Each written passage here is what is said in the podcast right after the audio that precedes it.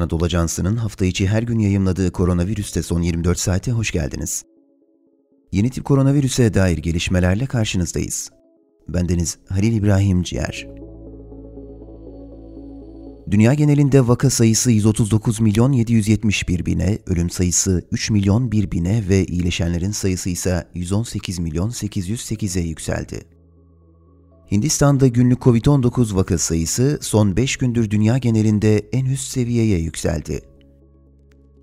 Hindistan Sağlık Bakanlığı'ndan yapılan açıklamaya göre son 24 saatte 352.991 vaka tespit edilirken toplam vaka sayısı 17.313.163'e yükseldi.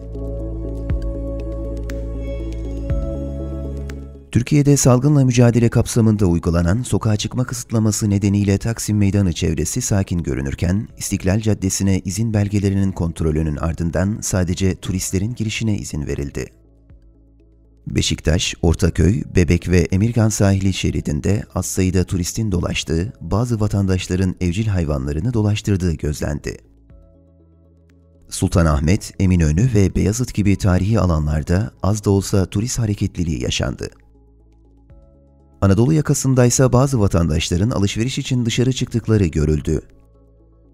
Kentin çeşitli noktalarında uygulama yapan polis ekipleri durdurdukları araçta bulunan vatandaşların belgelerini kontrol etti.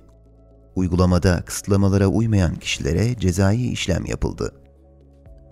Türkiye'de yapılan toplam aşı sayısı 21 milyon 362 bin 199 oldu.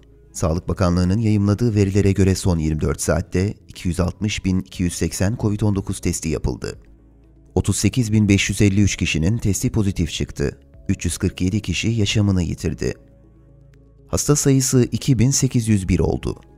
Son 24 saatte 51.236 kişinin COVID-19 tedavisi ya da karantinasının sona ermesiyle iyileşen sayısı 4.073.644'e yükseldi.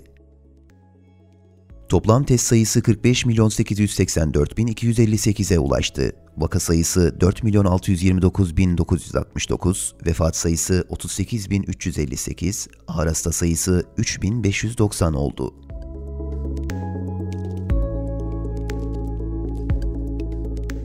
Koronavirüs alacağınız tedbirlerden daha güçlü değildir. Spotify, SoundCloud, Apple Podcast bizi hangi mecradan dinliyorsanız abone olmayı unutmayın. Hoşçakalın.